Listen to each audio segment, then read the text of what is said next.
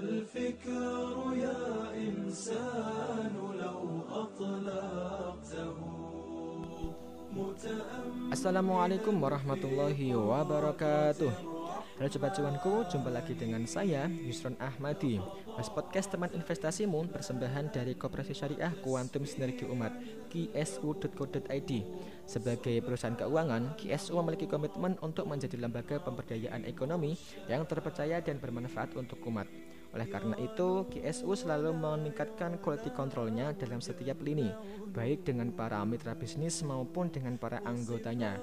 Semangat tersebut KSU pegang dengan membuat kegiatan berupa kelas pendampingan bisnis. Tujuannya tak lain dan tak bukan adalah untuk membantu para pelaku UKM dalam meningkatkan skill bisnisnya. Jika sebuah bisnis bisa berkembang, salah satu efeknya bisa membuat lapangan pekerjaan bagi masyarakat. Terlebih lagi, pandemi COVID-19 ini sangat memukul banyak pihak, baik pelaku bisnis maupun para profesional. Para pelaku bisnis banyak kehilangan omsetnya, bahkan tak jarang juga yang gulung tikar. Sedangkan para profesional banyak yang dirumahkan sehingga tidak memiliki gaji yang cukup layak. Oleh karena itu, kami mengajak para pelaku bisnis maupun para profesional untuk bersinergi dalam meningkatkan perekonomian di masyarakat. Jadi, podcast kita kali ini akan berbicara yang bersinggungan dengan kedua hal tersebut, yakni peluang bisnis investasi crowdfunding. So, jangan ke mana-mana ya, tetap bersama kami. Oke teman-teman, ada beberapa ketakutan yang dirasakan berbagai orang saat ingin memulai bisnis. Mulai dari kesulitan modal, takut gagal, maupun kekurangan jaringan dalam pemasaran. Biasanya ide usaha sudah direncanakan, tetapi tidak terwujud nyatanya karena kekurangan modal. Hal semacam ini yang sering saya jumpai pada teman-teman saya yang mau merintis bisnis. Padahal ada berbagai macam cara yang dapat dilakukan untuk mewujudkannya Salah satunya dengan mencari pinjaman dengan model pengumpulan dana atau investasi urun dana yang biasa disebut equity crowdfunding. Kehadiran equity crowdfunding ini lumayan membantu memberikan alternatif kemudahan dalam investasi bagi masyarakat. Ini karena sistemnya yang dilakukan secara bersama-sama atau patungan. Hadirannya memang lebih mempermudah masyarakat yang hanya memiliki dana minim dalam berbisnis. Teknologi ini juga memberikan kemudahan bagi para pelaku bisnis untuk mendapatkan modal tanpa harus menyediakan jaminan berupa harta benda. Nah, equity crowdfunding bukan hanya mempermudah dalam mendapatkan modal, namun juga memiliki keuntungan tersendiri karena akan semakin mudah dalam menjangkau pemasaran. Hal ini karena terbantunya banyak investor atau pemilik bisnis lewat patungan dana tersebut.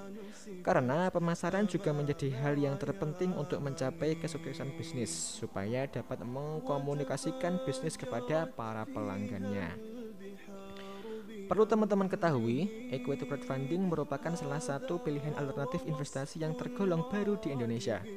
Kehadirannya saja baru diresmikan oleh Otoritas Jasa Keuangan melalui peraturannya nomor 37 tahun 2018. Di Indonesia, keberadaan platform equity crowdfunding sangat membantu karena sebagai investor kita dapat memiliki bisnis tersebut dan sebagai pengusaha kita mendapatkan modal usaha secara mudah.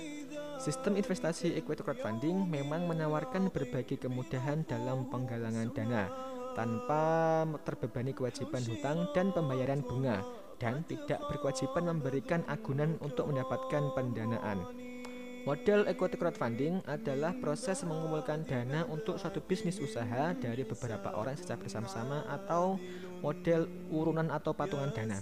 Pada proses pendanaan equity crowdfunding ada tiga pihak, yaitu yang pertama, penyedia platform hadir sebagai penghubung antara pemilik proyek dengan pemberi dana atau investor, sehingga kehadirannya sangat membantu memberikan pembenahan secara tepat. Sedangkan posisi investor ialah orang yang memiliki saham bisnis. Yang ketiga itu ada proyek ialah orang yang memiliki bisnis tersebut.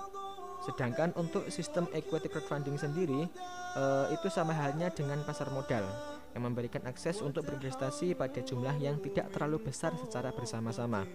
Namun ada yang membedakan antara pasar modal dengan equity crowdfunding, yaitu jumlah investor pada sistem equity crowdfunding tidak boleh lebih dari 300 orang dalam satu bisnis yang sedang dilakukan pengumpulan dana. Nah, dengan dilakukan pengumpulan dana secara equity crowdfunding, pastinya akan lebih menghemat waktu dan uang untuk memiliki bisnis secara tepat. Dan pebisnis akan mendapatkan suntikan modal dengan cepat pula. Lalu, bagaimana keuntungan dan resiko investasi crowdfunding? Mari kita bahas. Yang pertama, keuntungannya adalah investasi crowdfunding ini teman-teman bakalan memiliki saham perusahaan tersebut pada sistem ini, teman-teman sebagai investor memiliki legalitas kepemilikan saham perusahaan. Yang kedua, dengan adanya kepemilikan saham tersebut, teman-teman akan mendapatkan keuntungan dari perusahaan yang besar. Sistem pembagian keuntungannya bersifat bagi hasil dari profit bisnis. Sedangkan presentase kepemilikan saham, hal ini pastinya bisa memastikan bahwa investasi secara halal sesuai dengan syariat agama. Kemudian adanya kerjasama informasi aliran dana tanpa membebani siapa pun. Sebagai investor, kita dapat mengetahui ke mana aliran dana investasi kita. Hal ini karena kita bisa memilih sendiri penggalangan dana yang akan kita kampanyekan. Kemudian bisa mengetahui detail dari bisnis yang akan kita danai. Ini akan memberikan kepuasan mendalam bagi teman-teman untuk dapat memilih investasi yang kita pastikan. Selain adanya keuntungan, hal yang tak bisa dipungkiri adalah resiko dalam investasi. Pada sistem equity crowdfunding ada beberapa resikonya juga. Yang pertama itu salah satu resiko terbesar dalam investasi pernyataan modal adalah kegagalan usaha yang diinvestasikan. Apabila usaha tersebut kurang berhasil atau gagal, maka cara untuk mengatasi hal tersebut ialah dengan menjual aset bisnis. Menurut saya ini adalah hal yang lumrah dalam semua model investasi. Kalau teman-teman mau tahu caranya mitigasi resiko, teman-teman bisa cek pada podcast kita sebelumnya. Zaman sekarang lagi marak alakat. Zaman sekarang juga lagi marak investasi bodong. Nah, untuk mengetahui legalitasnya, teman-teman bisa mengecek perusahaan penyedia jasa equity crowdfunding tersebut apakah sudah terdaftar di OJK atau belum. Kalau sudah, berarti perusahaan tersebut sudah legal. Sama halnya dengan koperasi, GSU misalnya, yang juga telah menerapkan model equity crowdfunding. Teman-teman bisa melihat jelas kegiatan dan sudah terdaftar di Dinas Koperasi atau belum. Oke, mungkin itu dulu ya podcast dari kita. Semoga yang sedikit ini bermanfaat dan jangan lupa dibagikan juga pada sanak saudara atau teman-teman yang lain. Mohon maaf kalau banyak kekurangan atau salahnya ya. Sampai jumpa lagi di podcast kita selanjutnya. Sekian.